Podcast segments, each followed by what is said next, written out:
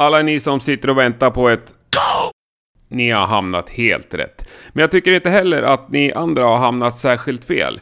För det här avsnittet av Rockpodden tycker jag blev lite extra trevligt faktiskt. Jag åkte till Göteborg för ett par veckor sedan för att träffa Tompa Lindberg ifrån At the Gates. Ja, han har gjort ruskigt mycket annat också. Men det är ju just med At the Gates som han har rönt sina största framgångar och det är det vi kommer snacka allra mest om i det här avsnittet. För de är ju hyperaktuella just nu. De släpper ju ny platta den 18 maj och ska ju sen erövra världen en gång till, om jag förstod Thomas rätt. Vi flyttar över till Hotell Post i Göteborg där det här avsnittet är inspelat.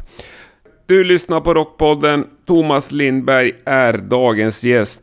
Jag heter Henke Branneryd och jag önskar dig en god lyssning. Ja, du får guida mig om det är något. Jag får guida dig. Ja, om det är något så. Ja, du var inte så insatt på det här med podcast. Ja, radiointervju har man gjort förut. Ja, det är samma. Tänk radio. Okej, ja. Ja. Tompa Lindberg, Ja. mitt i Göteborg. I en ytterst trevlig hotellobby. Väldigt trevligt hotell faktiskt. Hur är läget med dig då? Bra, bra. Det är mycket eh, hela tiden. Men eh, man är i det här läget då man gör det här lite tyngre jobbet med, med att spela i band. Man intervjuer hela tiden och videoinspelningar och fo- fotosessions och sånt där. Det som är inte lika roligt som att spela. Ja. Men samtidigt är det ju innan liksom publiken har hört skivan så är det ju första gången som folk har hört skivan ofta när man får frågor och sådär. Eh, journalisterna. Så då, man får ju för första gången en feedback också. Ja. Så det, det är faktiskt både och. Man Ja. tycker det är kul och lite sådär jobbigt. Lite nötigt. Ja, du hade ett nötigt. gäng intervjuer idag sa du. Och ett gäng imorgon. ja, jag ska försöka att inte vara alltför tröttsam på det. Nej, Jag tror, det blir jättebra. Ja. Men du kommer direkt ifrån dagjobbet. Eh, Det ville sig inte bättre. det blir lite bättre. Än att det skulle dagjobbas också. Nej, ja, det Alltså, jag, jag, jag har alltid sagt det med Gates, att faktiskt att det är lite medvetet att ändå ha kvar en, eh, ett vanligt jobb. Ett, för att ha kvar liksom, fötterna på jorden-känslan. Ödmjukheten och plus, alltså det, det, det ligger nog, alltså nu är vi säkert jätte, jätte för mycket försiktiga om sånt. Om det att integriteten och sådär. Men att börjar man eh, spela musik som första levebröd bara. Så, Ja. alltså det finns en pytteliten ris- risk att man någonstans till sist kompromissar med någonting. Ja, jag förstår precis hur du menar. Och jag, jag tänker på det lite. Jag, när vi pratade innan intervjun så nämnde du liksom att du har med sponsorer och sådär. Man, det kan vara lite känsligt när man har någonting kreativt. Det är väl lite samma sak där. Jag tror alltså, vi skulle nog tänka oss för 10 000 gånger. Men vem vet, den här 10 000 elfte gången så kanske bara man råkar kompromissa för någonting. Ja, eller För man man- tackar ja för att man måste. Inte för att Mm, man nästan vill. så. så Man hamnar i Ja. någon sorts fälla ibland. Ja. Och så länge man har ett dagjobb som betalar alla normala räkningar och det här blir någon sorts extra grej så är det ju... Alltså hobby låter ju väldigt... Ja, det låter Oseriöst. förminskande. Ja. Det är när man bygger modellbåtar och Ja. sådär. Liksom. Det, det är ju jättekul. Men äh, att göra det. Men en väldigt seriös hobby liksom. Mm. Och det, jag tror det har funkat bra hittills faktiskt. Ja, Det är ännu verkligen. mer speciellt när man är ute och spelar. Mm. När man inte gör det lika mycket. Ja, för då är det ju det du gör dygnet runt, precis. så att säga. Nu ska vi säkert ut och spela mycket mer på den här skivan Mm. än på de tidigare skivorna. Eftersom vi för en gång skulle ha fem stycken i bandet som gillar att turnera. Ja, Allihopa liksom. Och då blir det säkert mer. Men då blir det fortfarande så att vi väljer det för att vi tycker det är kul. När vi känner att oj nu, nu blir det jobbigt, nu blir det för mycket. Då gör vi lite mindre. ja jag, nej, jag såg... Kan vi låta han mixa klart? Jag såg ni hade ju någon sjukt eh, härlig Asien-turné på gång. Det är så här mycket flyg. Hongkong och Singapore. Och bara så här superexotiska ställen. Mycket flyg med några spelningar emellan. Ja, ja men det är många av de ställena vi inte har varit på innan. Filippinerna känns ju sådär Ja. lite, vad händer där liksom? Vad händer i Filippinerna i metalvärlden? Men, så det, det är väldigt spännande. Hongkong har vi inte heller varit i. Kina har vi ju faktiskt varit i två gånger. Men eh, nej, det ska bli väldigt eh, spännande. ja coolt. Och så hoppas man liksom att man kan vila lite på planen så man faktiskt kan se så mycket som möjligt. Ja, Det är det man ofta tyvärr inte hinner. Speciellt på de här lite mer exotiska ställena. När man gör Sydamerika-turnéer är det också sådär. Ja. Du hinner ju knappt liksom ut ur hotellobbyn innan du ska soundchecka och sen knappt ut igen innan du ska spela och sen ska du upp klockan fem på morgonen för att ge till nästa. Ja, frustrerande. Alltså, Ja, just när man är på sådana ställen där man verkligen skulle vilja se. Nu har vi ju faktiskt fått chansen då och då att ha Ja. bra day-offs. Liksom. Nej, men i Trollhättan liksom, eller Bollnäs, då kan jag tänka mig att då kan jag, stå, då kan jag klara det. Ja, Men just vara i Singapore eller... ja, precis. Och så se, Inte se hinna se någonting. Ja. Ja. Men vi, vi försöker. Vi är nyfikna liksom. Så Mm. att då, det hjälper. ja, det blir mer turnerande nu än på förra. Ja, det känns så. Det känns så. Ja. Vi, Och det har, är- vi höll, ju, höll tillbaka lite på förra. Mm. Och det är väl en av de frågorna som vi pratade om innan. Vilka frågor man alltid får. Mm. Den bra frågan är ju Anders-frågan liksom. Och det var ju mycket turnerandet liksom. Mm. Och det blir ju på något sätt att Även om vi då turnerar lite mindre än vad band brukar göra på Mm. den nivån så man hade hela tiden med sig liksom att ja, nu måste vi se till att Anders mår bra också. Mm. Ja. Och så det, det blev ändå en liten stress för alla. ja. Men nu har ni Stålhammar. Ja. Och han är taggad till tänderna. Ja, precis. Ja, härligt. Det, ehm, Och svinbra också. ja, det, ja, det, det känns verkligen... eh, Ja, men nu är han ju jämngammal med oss och har spelat musik lika länge som Ja. oss. Så det är inte som att få sån här, någon ung 20-åring, den där nytändningen man pratar om. Men, men det är lite så ändå. Det är en helt annan atmosfär i rummet. Och då menar jag absolut, Anders är en av mina bästa vänner och vi har vi känt varandra sedan vi var 16 liksom. Men nu liksom mår han bättre och vi mår bättre. För att han mår inte bra i, i att vara ett band just nu. Men tänkte ni någonsin tanken på att ta in en hungrig 21-åring? Vi sa någonstans att eh, vi vill inte ha en, eh, en som är under 30, har en åttasträngad gitarr och en frisyr. vi. det, är liksom så här, det, var, det var så här, det där stopptecknet direkt. Liksom. Nej, vi, vi, vi letade... Det är ganska bra kravspec. Ja, precis. Det var, liksom, det var det, då var det nej direkt. Liksom. Sen var det så här, några andra dimensioner i det också. Nej, men, vi, alltså, egentligen så letade vi först efter människan. Och de kraven var alltså... då- När vi kom på vilken typ av människa vi vill ha så var kraven väldigt, väldigt snäva. Ja. Det skulle vara ett, någon vi kände. Nu känner vi ju väldigt många inom metalvärlden. Liksom. Någon vi kände. Någon som hade nästan identisk bakgrund som oss. Det vill säga spelat death metal sedan sent 80-tal. Ja. Eh, och samma musikaliska referenspunkter inom musik överhuvudtaget. Alltså, och kunna lyssna, lyssna och förstå mer annan musik än death metal också. Och som vi, vi, som då kunde, vi visste kunde fungera socialt. Eh, helst någon som vi hade liksom spelat med förut. Det, det var nästan bara Stålhammar kvar efter den där grejen. Liksom. Men hur gjorde ni då? Ha- Liksom, berättade ni för folk att ni sökte? Mm, nej, alltså vi, ja, vi, vi, vi gick ut med ett statement när Anders hoppade av. Att Anders inte skulle spela med oss längre och vi skulle börja leta efter en ny gitarrist. Men sen så, vi letade aldrig efter en ny gitarrist. Vi, vi, Det blev inga auditions. nej, vi, ja, vi satt en vecka och pratade liksom om ja, men vad tycker du? Ska vi fråga Stålhammar? Ja, men vi, vi gör nog det va. Liksom, typ. Och så ringde vi upp honom och han var peppad och så någon månad senare så han hade fått typ ta de här tre, fyra låtarna och lär dig. Så testade vi och så, så funkar ju det. Ja. Det var ju liksom, det var det enda liksom som vi inte visste helt klart att han skulle fixa det tekniskt. Alltså han är ju minst lika bra gitarrist som Anders fast har han en annan spelstil. Så då var det bara det som var grejen. Och det kunde inte riktigt jag bedöma eh, som vokalist. Liksom, de fina nyanserna. Så då gjorde vi ett, ett, en tryout liksom. Sen har han lärt, alltså när vi spelade första gången så var väl han den som var minst nervös för han hade suttit och nötit de här låtarna. Ja. Oavbrutet i ett halvår liksom. Mer än er. Ja. Ja, absolut. Mycket mer.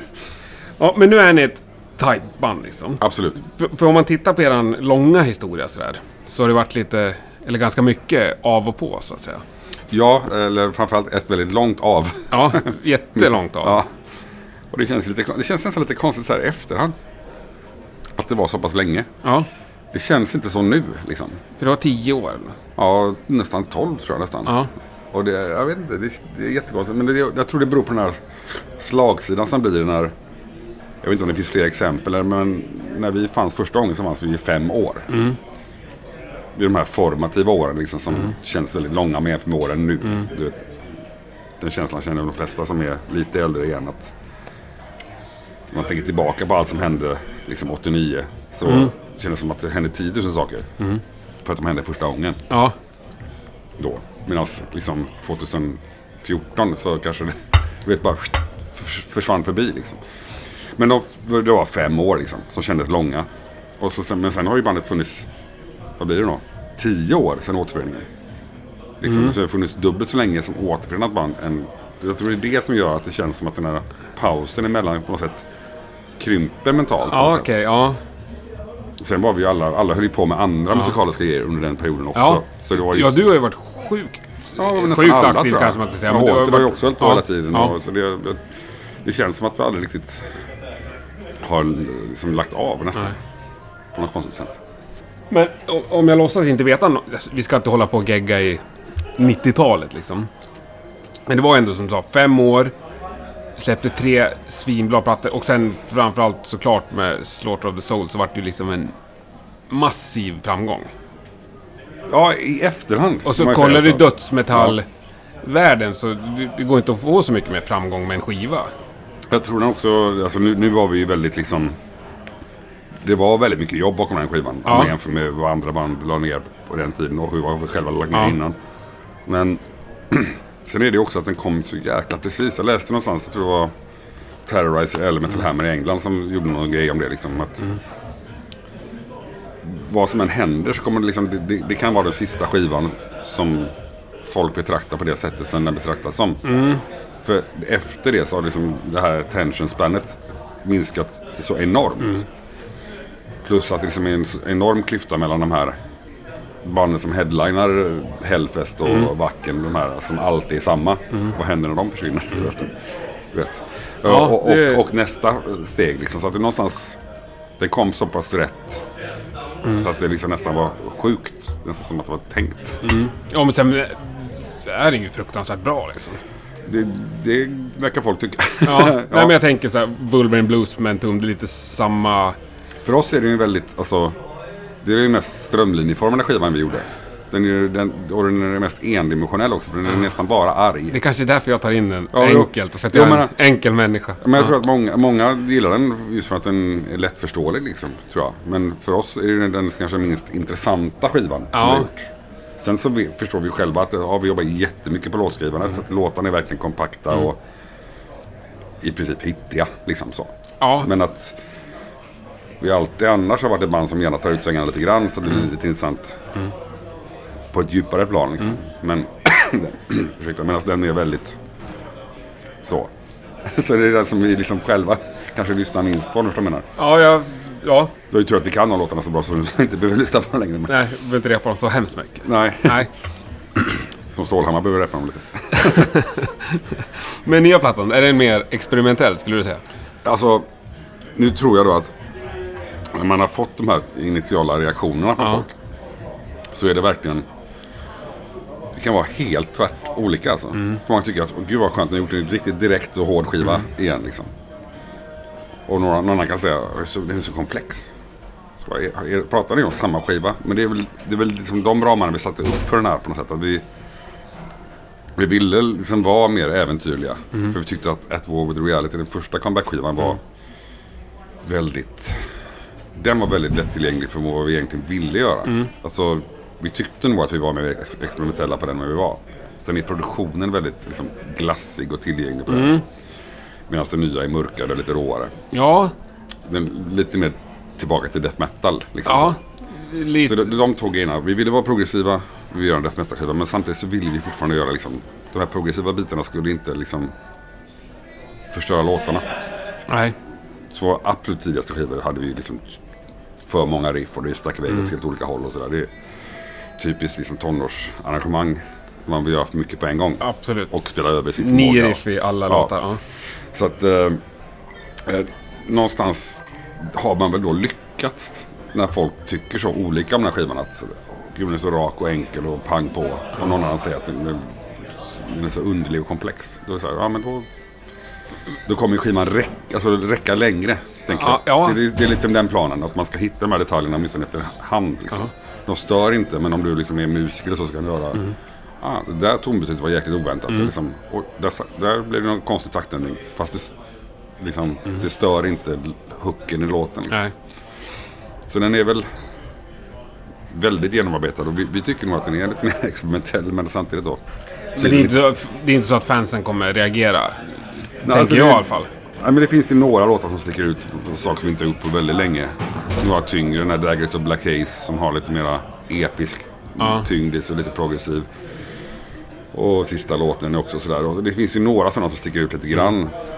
Några slutpartier som är väldigt, de här repetitiva Mm. månad, må, eh, liksom eh, nästan uh, mantraaktiga. Mm. Som vi liksom fått influens från andra musikgenrer. Liksom, så så att, eh, det finns ju grejer som vi tycker är väldigt roliga med den. Liksom. Men så finns det ju mycket hooks och Mm. snabb tvåtaktsvers också. Liksom. Ja, men det är härligt.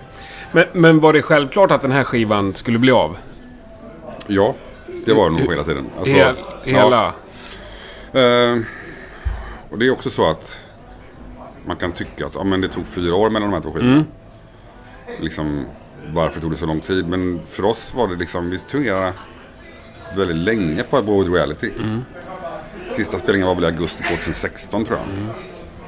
Och under hela den här perioden så var vi liksom så, vi ville verkligen njuta av att vara ute för den fick ju så pass bra mottagande. Liksom, och vi visste ju inte, och vi är ju som vanligt då, så nästan onödigt ödmjuka så vi inte förstod att folk skulle tycka om det liksom. För det är en comeback-skiva, det är väldigt så här, oh, riskabelt. Men den har ju fått så bra mottagande och då ville vi vara ute och njuta det på vägarna. Så vi, vi, vi var bara ute och tyckte det var skitkul att spela nya låtar för första gången på hur länge som helst. Så vi ville inte liksom förstöra det men att börja pilla på nya skivan medan vi var ute. Nej, okej. Plus att då Anders var så pass stressad ändå över att vara ute på vägarna. Så när vi kom av den turnén, så när, var det liksom nästan två år, så ville ju då Anders ta en paus. I, ja, ett tag, alltså, obestämd tid så länge liksom. Men vi andra sa nog sinsemellan att vi liksom ger honom till, till mars, april 2017 då. Innan vi liksom börjar vara på lite grann i alla fall och fråga vad han tycker. Alltså lite försiktigt utan att hetsa honom. Och någonstans där så kontaktade han oss ändå och sa att han inte ville hålla oss tillbaka. Det var Nej. så han uttryckte det liksom. Jag vet att ni vill liksom. Vi, vi, var ju sugna på att börja skriva direkt efter vi kom hem. Dagen efter sista spelningen vi börja skriva låtar. Men det var ju som ingen idé att börja med innan jag visste vad Anders skulle Nej, göra. jag förstår. Eftersom man ändå har varit med så pass länge och så pass nära vän så ville vi ge honom den tidsramen. Men Ja. sen då när vi började skriva, säger april 2017. Så det är faktiskt bara åtta månader från först, första liksom, anslaget på gitarren till att skivan var inspelad. Det är ju ruggigt snabbt. Ja, egentligen då. Ja. Om man jämför med Bored Reality som tog mycket längre tid. Ja. Så jag kan förstå att folk tycker, tror så här, men undrar de hur mycket de var tänkt och ska det bli och sådär. Men för oss var det liksom när vi väl började så var det stenhårt ja, det arbete låter ju fullt naturligt när du förklarar. Ja, ja, Det, och det, jag tror det är det här långa turnécykeln då som att eftersom inte vi turnerar så hett så intensivt så sprider vi liksom ut över två år istället. Men då kommer nästa platta 2021 då, om jag räknar rätt. Två års turné och sen Ja. pang direkt in i studion. Ja, Den här gången så tror jag att hungern är... Det ska inte, man kan ju inte liksom måla, eller så här, måla ut framtiden för mycket men jag, det känns som att hungern är där så att vi kommer börja skriva under tiden nu faktiskt. Det känns, Skönt ändå. Med Ja, band vi- som har hållit på så länge och ja, men vi, som vi, pratar vi, om hunger. Jag gillar det. Ja, men vi är väldigt hungriga liksom. Ja. Och någonstans hela den, det vi vill visa med den här skivan också, för den är ju ja, då, antingen då rak eller progressiv, vad de får Ja. tycka. Men den, den är framförallt så är den så här extremt viktig för oss. Och det, Mm. vi, någonstans i, eh, i mu- musiken och texten och allting, ska, det ska liksom någonstans kännas när man lyssnar på den att det känns ju viktigt för de här Mm. killarna att hålla på. Inte bara liksom going for the motions-grejen utan jag, jag har alltid varit det för ett gate. Så ska Mm. liksom alltid någonstans genomsyra det vi gör. Mm. Och även för lyssnarna då. Att någonstans, ja, det finns ett band som verkligen tycker att det de gör är viktigt. Sen behöver inte alla tycka att det är viktigt. Men alltså att, vi, att det märks på oss att vi tycker det. Blir Ja. någon sorts äkthets... Annars blir det någon slags trams. Ja, jo, precis. Ja. Och i death metal så finns det ju både och. Det finns ju mycket sånt, Mm. lite som jag tycker är lite going through the motions, som jag sa. Mm. Att liksom, det är så lätt att göra det okej. Men det är lite, väldigt svårt att göra det jäkligt bra. Ja, precis. När man är på era nivå, liksom ruggigt bra som band, så kan man hysta ur sig en skiva som är halvskaplig liksom. Och någon blir Lite nöjd. så tror ja, jag. Och så bara för, köra för, på. för att kunna turnera lite mer. Liksom. Mm. Jo, ja, lite så kan man säga. Mm. Men vi liksom vill visa det. Att det, allting är viktigt. Just för att vi är hungriga och vi liksom... Minsta Mm. Ja. detalj är viktig och den är extremt genomarbetad. Liksom. Det är därför många har den här olika uppfattningen om att den är rak eller progressiv. Ja. Det måste jag fundera över. Ja, jo, Ja. men- men det, det, det är nog bara sån här vad man själv tycker första gången man hör den tror jag. Som Ja. är det man ska gå på magkänslan. Liksom.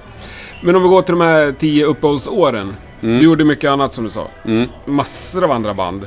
Och Mm. plattor och... Väldigt rastlöst var Ja. det. Var det någon av dem som du gick in med hull och hår i? Eller var det någon slags istället för-projekt? Ja, men det, det, det tror jag, men samtidigt var det väl lite... Alltså, jag menar inte att någon av de skivorna... Att, jag, att de betyder mindre för mig när jag gjorde dem, det tror jag inte. Nej.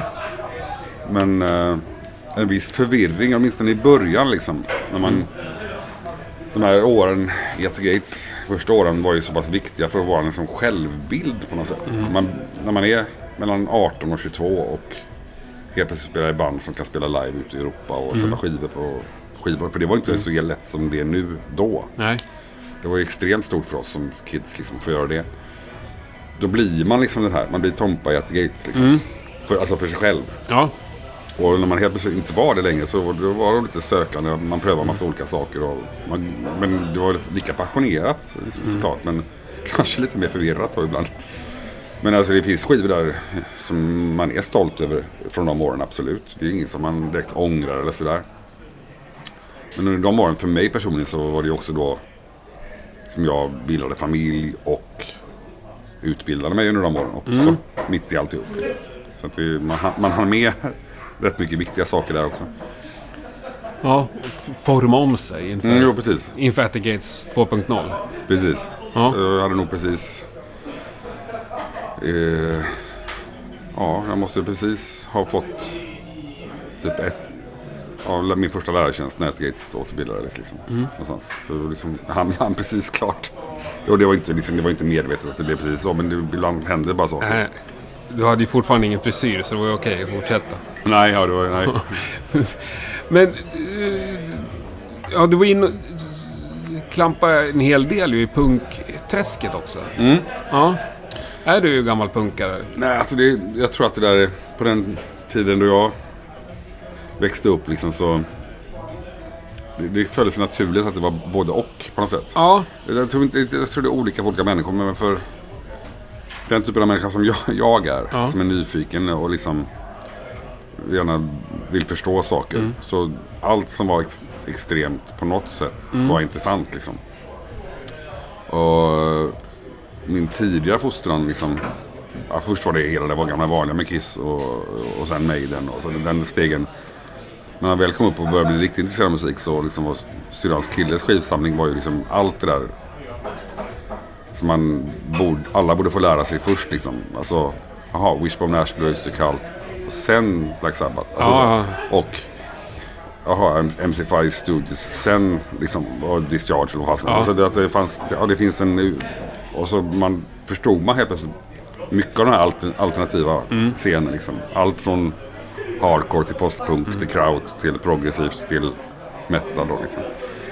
Och därav så fanns det en rätt rejäl grund att stå på, på att vara intresserad av allt. Så när man var väldigt tidig där, när man kom, började komma in i underground-scenen och göra fanzines och byta demos så var det lika mycket hardcore och death metal och allting på en gång. Det, Ja. det jag- spelar liksom ingen större roll egentligen, bara det var hårt liksom. Ja, jag, jag har hört det där fler, men i, i, i min stad som jag är uppvuxen Mm, i, Gävle, där- där upplevde jag i alla fall att det var svinhård gräns mellan punkare och hårdrockare. liksom. Det var tror- olika sådana rephus, du vet. Mm. Det var, Men jag tror att det kan vara... umgicks inte, det var liksom nästan hat emellan.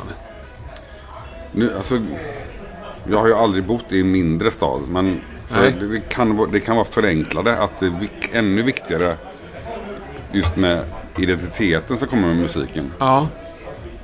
För i en större stad så kommer du alltid ha tillräckligt många omkring dig. Alltså på något sätt så det är inte... Ja, jag, jag Man vet kan inte. smälta Och jag, in jag, mer på Jag har liksom inte Det är någon slags ögonblicksbild bara av min uppväxt det där. Det är Mm. inget jag har forskat i sådär. Nej, men det... Men sen, sen var det då när hardcoren kom som ändå var liksom, det är ju nästan metal. Och, så, Mm, och då liksom hittades det väl gemensamma beröringspunkter. Så. Ja. Men jag tror att det, det där var väl ännu tidigare på början av mitten av 80-talet. För mig då. Det var kanske samma ålder som du var i då. Att då om man var hårdrockare eller syntare. Den grejen var ju extrem. Det var, det, det var ju Sverige i två delar. Det är ju liksom. fortfarande... Ja, men det är så, Alltså nu du- finns inte synt kvar som Nej, nej men, men du, du har ju ändå liksom de där black metal-band som säger att de älskar Depeche Mode nu. Det är helt okej liksom. Det finns ju. Ja, i och för Bara sig. så länge det är mörkt och svart och så vidare. Så Ja. va. men men ehm, man kanske inte gillar liksom... jag kommer- vad, vad heter folk? de gamla syntpoppen liksom. Så här, men de är lite mer trevliga banden kanske de inte... Kanske inte de lyssnar på. Nej, det får inte vara glatt. Nej, precis. Det tror jag inte. Howard Jones kanske de inte lyssnar på. Nej, nej. Rick Astley. Men eh, det, ja, det kan ha också lite med ålder att göra då. Som sagt var att vid en viss ålder är det ännu viktigare med tillhörigheten. Ja. ett, att det måste vara exakt den här personen. Men för när vi spelade i Grotesk, liksom första dödsmetallbandet jag hade. Mm. Vi körde ju stenhårt. Liksom, vi var jätteimponerade av tidiga Bathory och allt det här. Och även mycket av det, det är lite snävt, men lite brasiliansk liksom death metal som kom där så i början. Alltså innan Sepultura. Ja. Sarkofag och massa sådär. Då, då, då var mycket liksom paint och spikar och sånt innan den här nya vågen av black metal ja, kom okej. i Norge. Liksom. Så vi, det var ju liksom skinnrockar och, och spikarmband och paint och upprivande kors och allting. Fast vi lyssnade samtidigt på liksom kängpunk Ja. också liksom. Det, Stenhårt. det är liksom... så Fin- att Finns det här på bild och grejer? Ja, estetik, ja det grotesk finns på bilder och man kan googla fram olika. Men, men eh, just att estetiken var väl uträknad i, i bandformatet. Men sen liksom att det var inte, inga problem för oss att synas på en fest. Och när vi satt och lyssnade på Lemonheads liksom, det var helt okej. Det- Ja, lite udda kanske. Men du, vi, du hoppar över det lite snabbt. Du sa att du, du var i dig själv Tompa från At the Gates. Och så också med extrema framgångar ju. Som vi sa. Eller stora i alla fall. Och det, det måste ju säga att det, kom, det där kom ju lite efter vi la av. Alltså, det, var, det var precis på gång den här större framgången när vi la av, egentligen. Han inte du känna att... Att det var på gång. Vi var, fick vara över till USA som ett av de tidigare. eh, Liksom, Ja. Det var väl en tum och Dismember som hade varit där kanske. Ja. Liksom, och sådär. Men det var ju verkligen inte så här liksom, Inget snack om att typ kunna leva på musiken eller, Nej, liksom, nej. eller liksom glassa. Det var ju fortfarande liksom rätt Ja. tuffa turnéförhållanden och sådär Ja. då man jämför. Så det var, vi hann aldrig liksom smaka på sötma så, men vi hann ju förstå att folk tyckte det var bra. Ja. Det, den känslan var ju ändå viktigare för oss. Men du hann i alla fall identifiera dig som Tompa Ja. från At the Gates. Absolut. Och min fråga var egentligen, alltså vad var det första du tog tag i då? För att komma vidare? När jag var 22. vad, vad, vet, vad tar man tag i då liksom? Ja, Ja, jag vet inte. ja nej, det var, det var väl just, kanske var liksom just det som man borde gjort kanske. Det, det, det tog nog en lång stund innan jag liksom började ta tag i saker där tror jag. Jag tror det, kan vara kallas som förvirrade, förvirrade åren, de första där liksom. Faktiskt. Och, så, och då började det ticka in lite pengar också? Ja, Efterhand. Ja, fast det, det, måste jag säga är marginellt faktiskt då. Det, det var det. Ja. Är Inget ont om Eric, men alltså vi har släppt en skiva där och så två på lite Peaceville som var ett litet bolag. Det var, det var inga stora pengar som började rulla in. Ah, okej. Men... Eh, nej, det var väl mer... Det, det var väl lite mera bohemiskt de här första åren i alla fall. Liksom. Och att man inte var så mycket i kontakt med sina egna känslor. Och reflekterade över så mycket över det. Det är liksom i efterhand man kan se att ja, men det var det som hände. Att jag tappade en stor del av min identitet. Jag hade bara förlikat mig med liksom. Och att... Jag vet inte hur det var för de andra men... sex, sju, åtta år in i det så kanske man liksom börjar mogna lite grann. Och det var någonstans där man sökte in på lärarlinjen och liksom familjen blev viktiga. Och så, Men sen var det saker. folk som hörde av sig hela tiden och du sjöng på olika grejer och spelade in plattor också hela Ja, ja, tiden. precis. Ja, ja, men och liksom Disfear som är väl det bandet som jag, Ja. som jag har varit med i längst. Förutom At the Gates liksom. Om man, tror jag. var ju, har ju hela tiden varit, liksom, varit mer eller mindre seriöst. Men det, det är ju på en helt annan nivå Mm. såklart. Men vi får ändå släppa skidor och vara, vara ute en del och sådär. Även om de kanske är på en mer punknivå. Mm. Eh, men att skitsystem ju, var ju väldigt liksom så, en romantisk eh, bild av hur kängpunk ska vara. Mm. Liksom, verkligen så. Alltså, någonstans vi, så kanske man identifierar sig lite för mycket med den bilden för, sig, för sitt eget Mm. bästa välmående. Men sen har det ju varit massa andra som, som Ja. säger. Gästgrejer. Night. Men Night Rage var väl... Ja, alltså där kan man ju säga att första skivan vi gjorde var jag ju bara inbjuden på. Liksom. Ja. Där, gjorde, där sjöng jag bara, sjung så här, här är Mm. texten liksom. Så gjorde jag det i studion. Så jag tror att jag var med på ett gig eller två gig på den. Andra skivan så hjälpte jag till att skriva, eh, skriva texten i alla fall. Mm. Och, och framförallt arrangera sången. Men sen blev det liksom ingen mer med det. Liksom. Det var ju bara så här. Ma- Mario en skön snubbe Mm. som behövde hjälp. Liksom. Hade tid, då gjorde man det. Liksom. Och de kör ju på fortfarande. Ja, ja precis. Släppte ju skitbra platta förra året. va? de, alltså det, det är ju så här, vissa band, det, alltså det är svårt att komma ifrån att man är ett undergroundband ibland. Jag förstår inte varför. Alltså det, är så här, det spelar ingen roll hur bra musiken är ibland. Alltså det är bara så här, folk har en bild av olika band och så går det inte att komma ifrån den. Liksom. Alltså, Nej, de, nu hängde jag inte med tror jag. Att Nightwish skulle kunna, vara, kunna göra mer än vad de gör. Ja, Liksom, för att det är så bra. För att det är så, ja, ja så menar kvalitativt. att, Liksom. att de eh, underskattade det? Ja, precis. Ja, ja. Och vissa band har, har bara den... Jag vet inte. Ibland förstår jag inte hur folk tänker. Nej, men det finns väl... Ja, i Sverige tycker jag det finns fantastiskt många sådana Mm. band. Ja, jo det kanske är det som är problemet kanske. Ja, Att det finns för många så att ja. folk måste välja. Nej, jag, jag, jag, jag för en liten kamp för att lyfta upp lite sådana band. faktiskt. ja, det är bra. Försöker på de sätt jag kan. Men har du något mer du vill nämna där, när vi ändå är inne på det? Nej, alltså, nej, det var ju fyra, fem band till där. men det, det kan ju Ja, folk men på. menar jag under, bland underskattade band. Jaha. Ehm, nej men det finns ju alltid. Men, sen, men sen, många av de banden som jag själv tycker om kan ju vara liksom underskattade liksom stor kommersiellt kanske. Men de kanske ändå har en bra underground following för, för, för det är så pass kvalitativt. Liksom. Jag menar som ett band som Cult of Luna har ju, har ju till exempel de har ju internationell eh, framgång. Också funnits skitlänge. Ja, liksom. på sin nivå. Som, Ja. Med den typen av musik kanske man inte kan bli större. För att det är så pass konstnärligt så att säga. Eh, Switchblade och sådana. Alltså sådana band som ändå alltså, som har en gedigen following. Fast har valt att vara på den nivån. Switchblade, ja det, det är svårt Ja, det, ja, men, ja, men alltså. det är det jag menar. Alltså, det, det, jag. det är ju inte som... Det kanske man kanske man kan säga underskattat på det sättet. För Nej. de vill nog vara precis så stora som de är. Ja, jag För, antar. för, då annars har de inte spelat den typen av musik. Men du förstår vad jag menar. Alltså, de, Många band som jag personligen gillar är underskattade av en anledning som de själva nästan har valt. För att de är Ja. så, så pass konstnärliga och då också lika med bra. Ja, nej, men Switchblade diggar Jag hade Per Wiberg som gäst för Mm. aslänge sedan. Och han, ja, han är väl inte medlem där, men han är ju med dem Ja, ibland. jo, precis, ja. Så jag, jag försöker ha koll på dem, men det, ja, det, det är skitcoolt. Eh, ja, nu har ni ju varit återförenade länge, men Mm. känner ni ändå av någon slags ansvar eller någon tyngd från historien, så att säga? om du, om du liksom Ja. leker med tanken att ni skulle ha bildats 2010. Jo, jag, jag förstår hur du tänker. Men, och, det där är så svårt. Jag tänker liksom att... Ja, men ett ansvar på ett sätt att man... Eh, hur ska man säga? Ja, inte, inte så att man...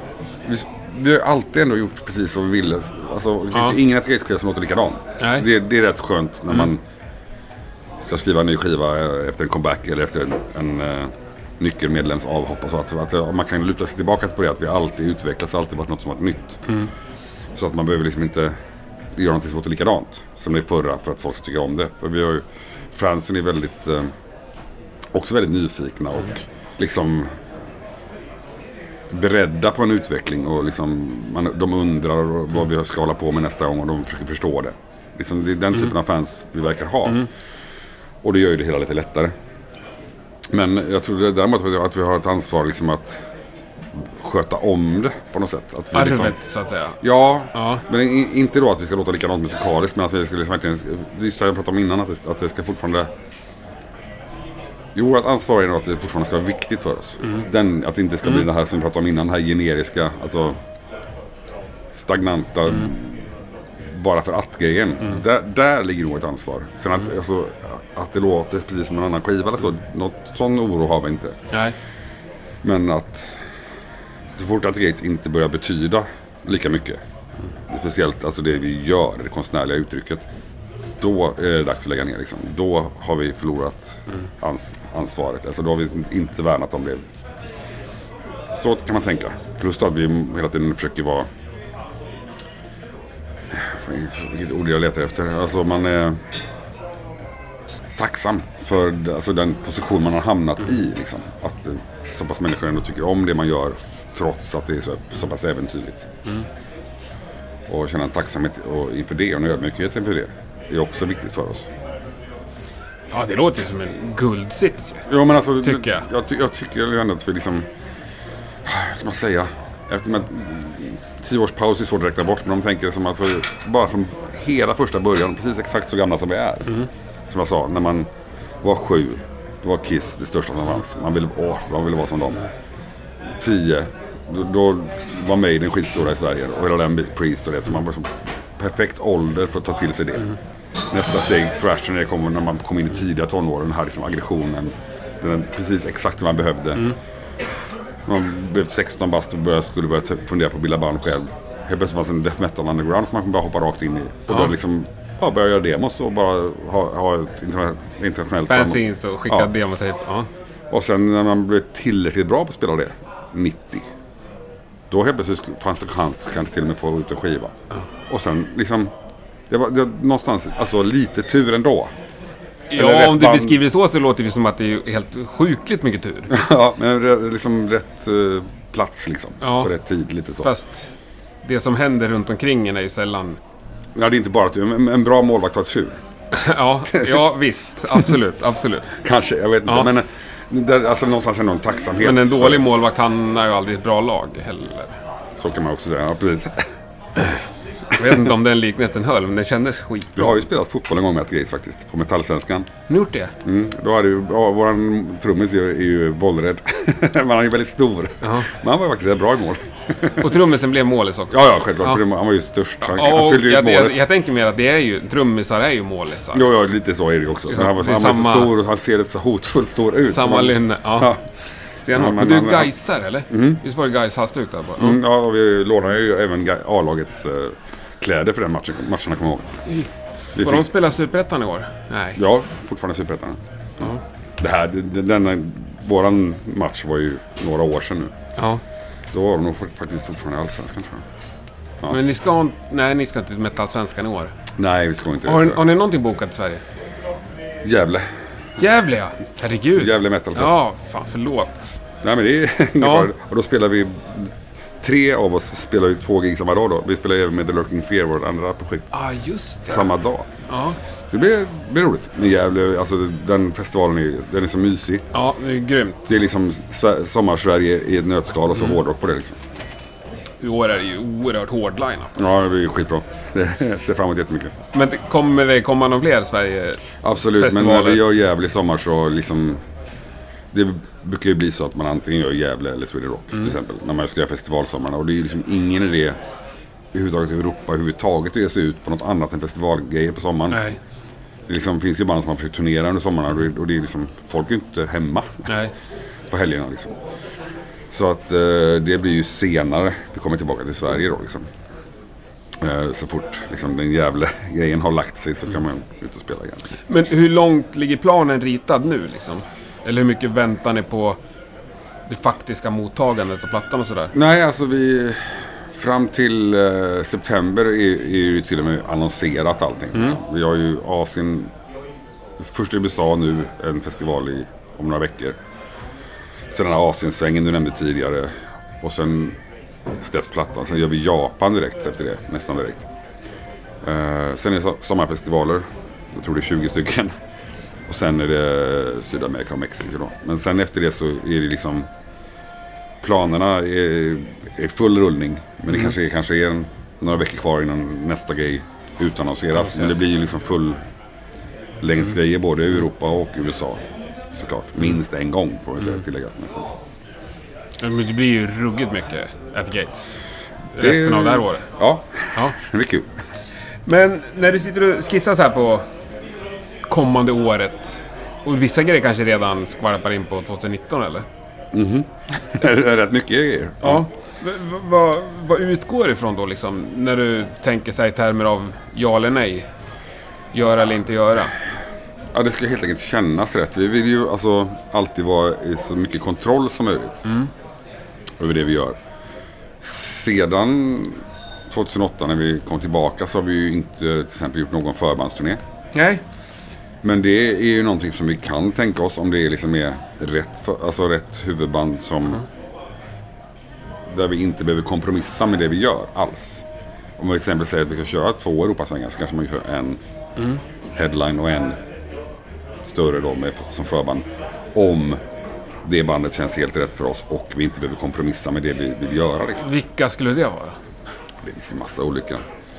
Men eh, ett band som, som funkar liksom konstnärligt med oss. Och vi vet skulle funka personkemimässigt liksom. Och som då kanske då drar tillräckligt många mer människor så att vi kan möta vår publik. Om den liksom kro- krossar över lite grann. Och lite ny publik då. Men då gäller det ju att man ändå får en hyfsat lång speltid. Man, alltså rätt. Jag trodde det här skulle sluta med att du sa bandnamnet, nu gjorde du aldrig. Nej, det kan jag inte säga då. till. Det kan, kan ju hända att något av de här är på gång. Vem vet? Ja, ja, du vill inte jinxa. Ska Slayer ha något förband på sin avskedsturné eller? Det ska de ju faktiskt, men... eh, Vi menar, du ni måste ju nästan upp i den klassen. nästan. Men det, det finns lite olika. det finns lite olika som är... Finns det någon så här känslighet med ålder på band, så att säga?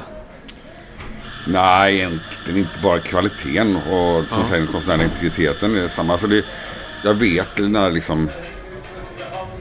Det har väl funnits sådana exempel. Jag kommer inte komma ihåg. Var inte Destruction förband till Dimmy till exempel?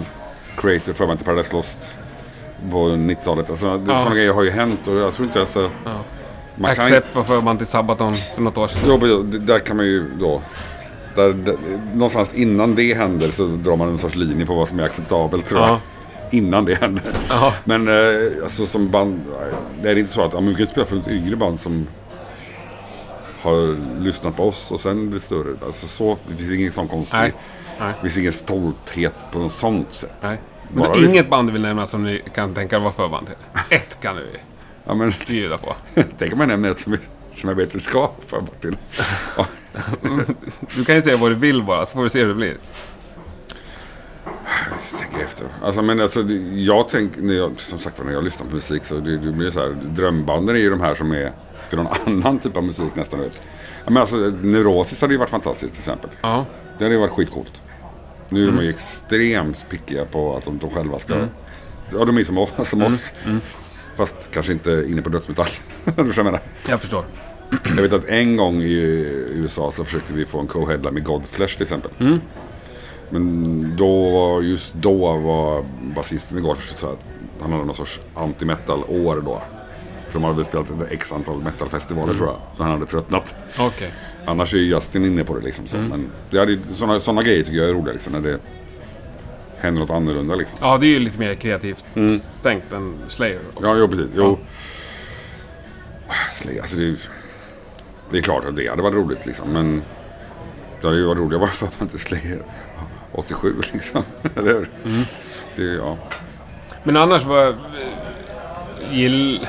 Eller nu sa jag att du tänkte båda, men rent generellt så här. Är det roligare att vara headlineband på en lite mindre turné eller... ja, alltså det, jag, jag tror att det, det kommer alltid för alla band, tror jag i alla fall. Om alla funkar ungefär som vi gör. Att det, är alltid roligare att spela inför din publik. Liksom, som har köpt biljetter för att se på när ni spelar och gör det. Alltså de vet vad de kan förvänta sig. De, och de är beredda att lägga ut sina surt förvärvade stålar på att se just det här. Nej. Då kommer liksom konserten automatiskt ha en bättre stämning och du kommer liksom att, enklare kunna liksom dirigera s- stämningen i lokalen som frontman liksom. Och det, är, ja, det, är, det är självklart alltid det roligaste. Stora festivaler i all ära, förband till jättebra band. Jättekul också. Men att spela inför din egen publik kommer ju alltid vara det roligaste. Liksom. Så det, det är det jag menar om vi nu skulle köra. Nu blev det här en jättestor diskussion om mm. förbandsgrejen. Men om man skulle teoretiskt skulle göra det någon gång under den här turnécykeln. Så kommer vi absolut komma ner att komma tillbaka i så fall som headline. Mm. Eller göra tvärtom, man kör headline först och sen komma tillbaka mm. som det i så fall. Om det nu. Ja, men vi ska fortsätta lite med förband, men vi mm. byter mm. vinkel. Hur tänker ni när ni väljer förband? Ja, det, det är också extremt viktigt. Vi har mm. alltid liksom försökt ha kontroll på det. Även till exempel om man bara kör, ja, vi kör en helg i Spanien liksom. Ja. Så, så kontaktar vi promotorn och liksom, de här fyra, fem spanska banden tycker vi är rätt coola liksom. Vad, är, det något, är det något av dem ni kan få med liksom? Alltså, då måste de hela tiden att själva kolla, dra några folk och så vidare. Så Men vi försöker ändå liksom, så gott det går att få med oss saker som åtminstone ligger i närheten av det vi själva skulle vilja ha. Liksom. Men när vi har gjort Europa och USA-turnéer sen återkomsten har vi alltid liksom valt. Mm. Och sen kan det ibland ha varit så att man har fått kompromissa med något band som inte kunde för man tar in ett snabbt i sista hans stund och sådär som ändå är okej okay och sådär. Jag menar att vi åkte med Trypticon nu sist, mm. senaste Europaturnén var ju väldigt medvetet. Och mm. med Morbus Kron från Stockholm som första förband där. Det var, det var ju verkligen så. Den satte vi ihop för att vi ville ha ett paket som... Men det, det är väl ruggigt schysst tycker jag?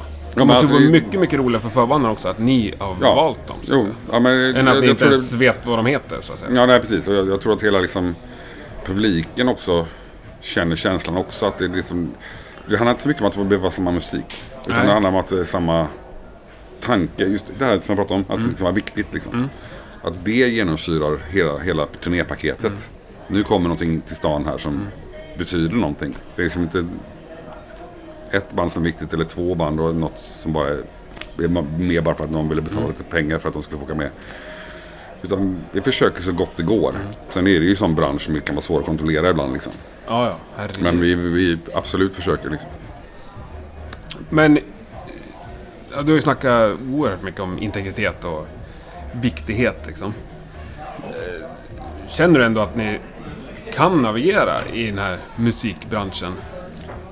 Ja, alltså det är än en gång det där att vi, vi har ju en fruktansvärt tacksam position liksom. Mm.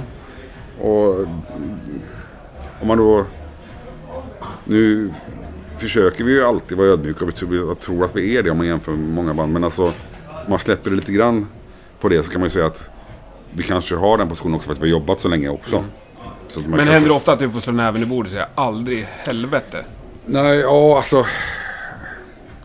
Nej, inte, inte slå näven i bordet men alltså... Allt som gäller den nya skivan till exempel.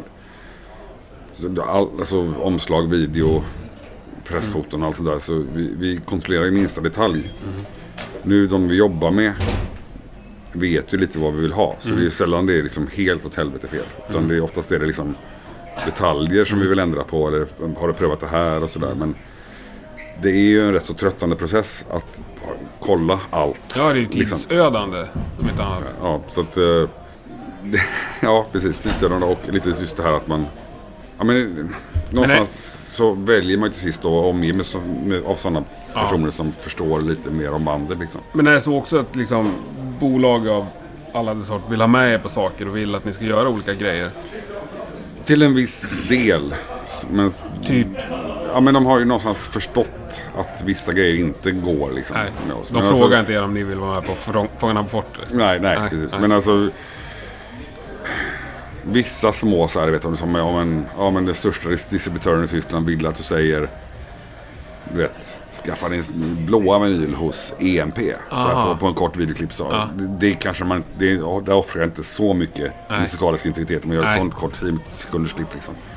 Men de vet ändå ungefär var vår gräns går. Mm. För de, de, de har ju liksom signat bandet för att de tycker om hela, vår, hela mm. våran grej. Och då förstår de att ja, men det här är ett band som inte kommer kompromissa med de här sakerna. Nej. Så det är liksom... Men sen är det, kommer det alltid upp små grejer som man får bråka lite om. Liksom. Mm. Det är, de flesta förstår innan vad, vad de inte kan fråga. Liksom. Ja, vad skönt. Men det har ju krävts hårt jobb antar jag för att komma till den För att komma till den, ja. Jo, precis. Men det är någonstans som man sa, den här tacksamheten att vi är i den positionen vi är. Liksom. Mm. Men de här Media som vi ligger på då i Europa. De, de, några av dem som jobbar där som, som vi jobbar närmast med har vi liksom faktiskt också känt sedan tidigt 90-tal. Liksom. För de kommer från underground death metal-scenen också. Liksom. Så de har ju också bara liksom till sist hamnat uppe på det bolaget. Liksom. Så de har ju förstått bandet från början och de signar ju oss för att vi är de vi är. Ja. Och visste väl då att ja, men ja, då kan vi inte göra det här och det här med det bandet. Men visst, å andra sidan så har vi ett band som har konstnärlig integritet. Men om vi tar redan långa karriär, eller din långa karriär. Vad är du mest stolt över? Ah. Ja, men jag, så, det är så svårt att säga, men jag, jag tänker liksom hela den här återkomsten med Gates. Att det, liksom, det, det är så många grejer som var lite läskiga, om du förstår vad jag menar. Att vi faktiskt gjorde det, att vi genomförde liksom 2008-turnén där. Och, och, och att liksom våga sticka ut nacken och göra den igen. Och det är så många band som misslyckas med sånt. Göra en ny comeback-skiva, fortsätta utan Anders. Alltså så många sådana här "Uff, ja, nu får vi ta tag i det liksom. Nu, du gör det här nu. Och så att man har liksom kollat tillbaka på de grejerna så är det ju ändå gjort med liksom någon form av bravur liksom. att vi ja, genomför och det. hedern i behåll. Ja, ja precis. Och då, då, då, sådana grejer så är väl sådana grejer man kan titta tillbaka på och må bra av liksom. Mm. Tror jag. Skitschysst. Men har du någonting du ångrar i det här? Nej men alltså det, det, det är den- lite de här skuggåren jag pratar om liksom. Ja. Och det handlar inte så mycket om att man liksom... Det var mest att man var, alltså, omogenheten liksom. I det liksom, att man inte tog tag i det tidigare. Men man var, så, man var ju fruktansvärt ung också. Det är inte så många som är 22 och redan har gjort liksom fem år i ett hyfsat stort band Nej. och sen helt plötsligt hamnar och inte, inte har det längre.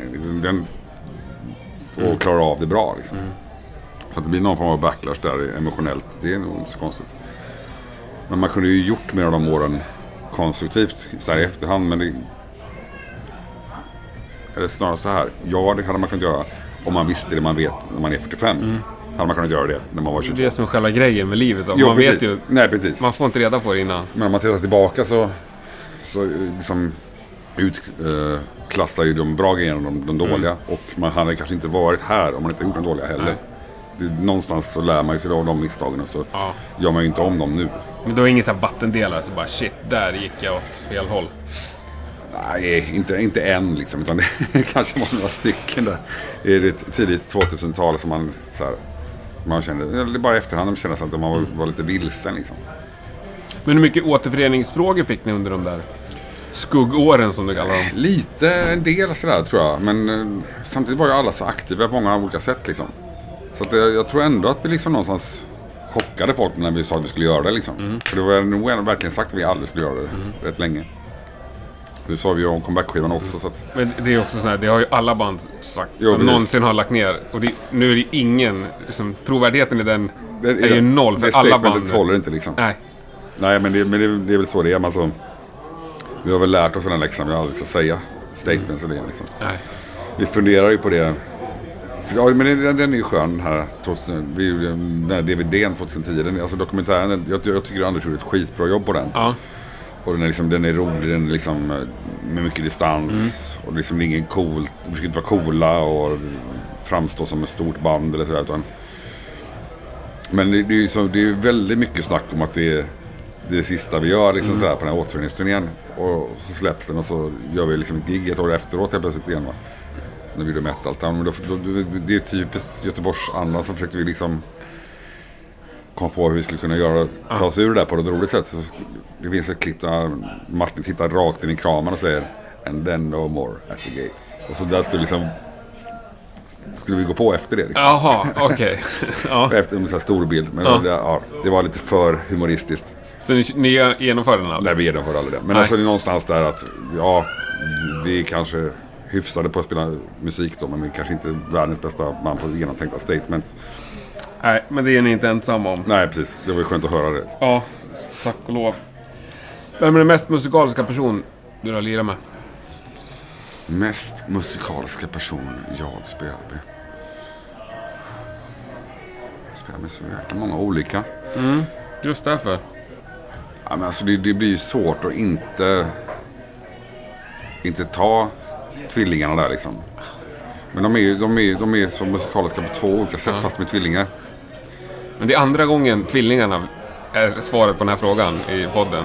Det är så? faktiskt. Ja. ja. Men jag, jag, jag tänker liksom att... Eh, ja, de, det är så svårt att inifrån beskriva skillnaden hos dem. För det hade jag lite intressant i det här fallet kanske då. Men liksom arbetsprocessen med att vara reality och To Drink From The Night Itself ju, har ju varit helt två olika. Fast det är, liksom, fast det är från, från samma, samma föräldrar liksom. Men alltså båda har ju ett extremt så här, tonsinne. Liksom. Jag tror att Anders kanske har lite mer det här av att kunna arra bra grejer också. Liksom, sådär. Medan Jonas kanske ännu bättre kan vara lite mer äventyrlig liksom, i eh, just det här tonala byggandet. Liksom. De eh, stråkarrangemangen han skrev till den här skivan. Alltså, ibland så blir jag sådär. Men fan, det är ju bara en vanlig hårdrockare som lyssnar i Lust på Ja, Slayer. ja, det är avancerat. Hur, hur har du gjort det här? Alltså? Ja. Du är lika gammal som mig. Fan. Kom igen nu. så det, det, det kan man bli så här lite wow. Liksom. Så, och det, det är ju häftigt att man kan bli det fortfarande med en person man har känt i, sedan 88. Liksom. Sen tycker jag liksom att även Stålhammar är liksom extremt musikalisk. Och liksom, det ska bli väldigt kul att inkorporera honom i låtskrivandet. Liksom. Jag har ju bara jobbat med honom aktivt som låtskrivare i Lurking Fear som har lite mer striktare ramar på soundet. Liksom.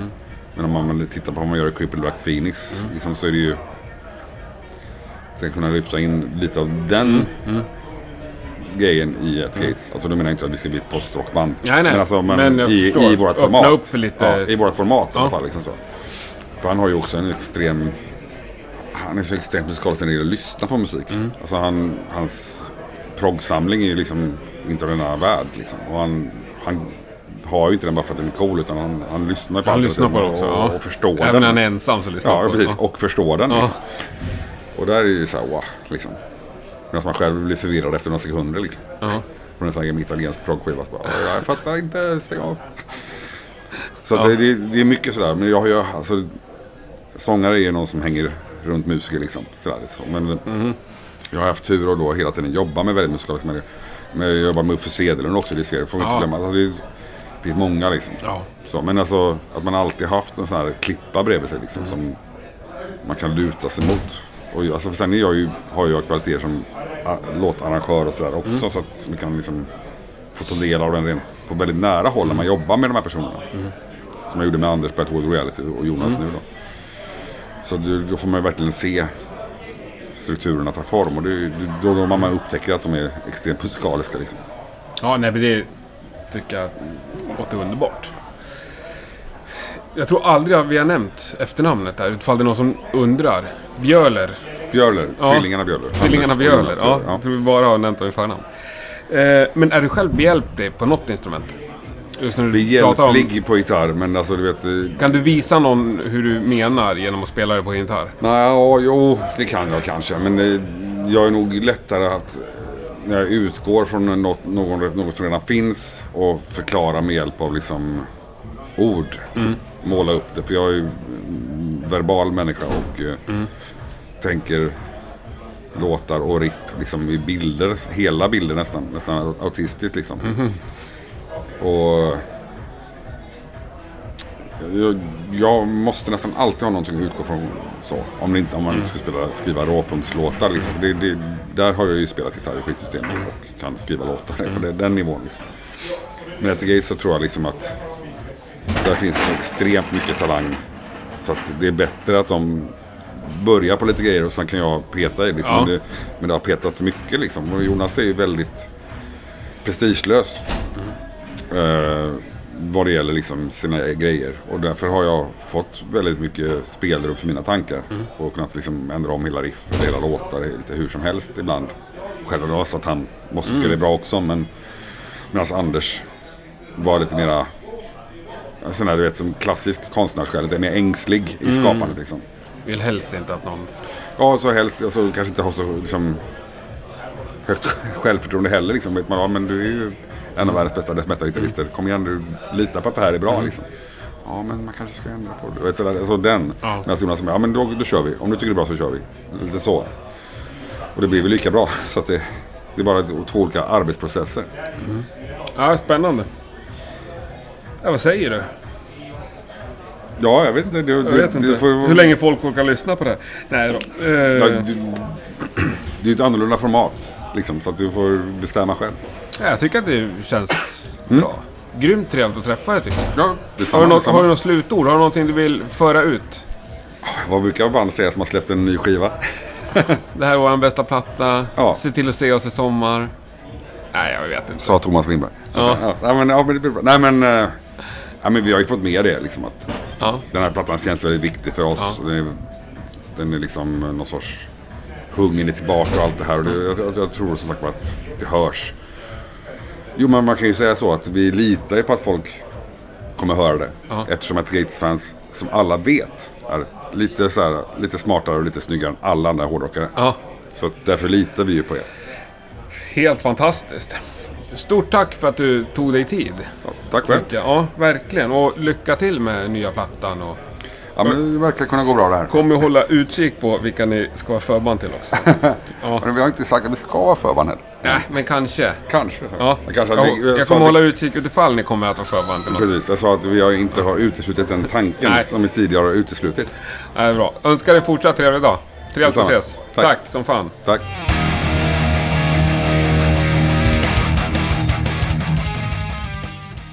Ja, där tyckte jag att det kändes rätt att sätta punkt. Stort tack för att du har lyssnat och stort tack till Thomas. Jag tyckte det där var extremt trevligt, måste jag säga. Nästa torsdag är Rockpodden såklart tillbaka. Då blir det ett lite annorlunda avsnitt, men jag hoppas att ni kommer gilla det. Fram tills dess så finns vi såklart på Facebook och Instagram och Twitter och var inte blyga att höra av er. Jag tycker det är eh, svintrevligt. Och känner ni för att likea och dela och betygsätta och ha er så gör det. Ingen blir gladare än jag och det blir dessutom lite lättare för mig att fortsätta med det här då. Och känner du ett extra behov av att stötta Rockpodden så finns det ju en eh, Patreon-sida, eh, eller ett Patreon-konto eller vad det heter. Gå in på patreon.com och sök upp Rockpodden. Har du lust och möjlighet att skänka några kronor i månaden så betyder det extremt mycket för mig. Så, ut i solen, gå och kolla på ett liveband och så hörs vi nästa torsdag. Ha det så gott, tack och hej!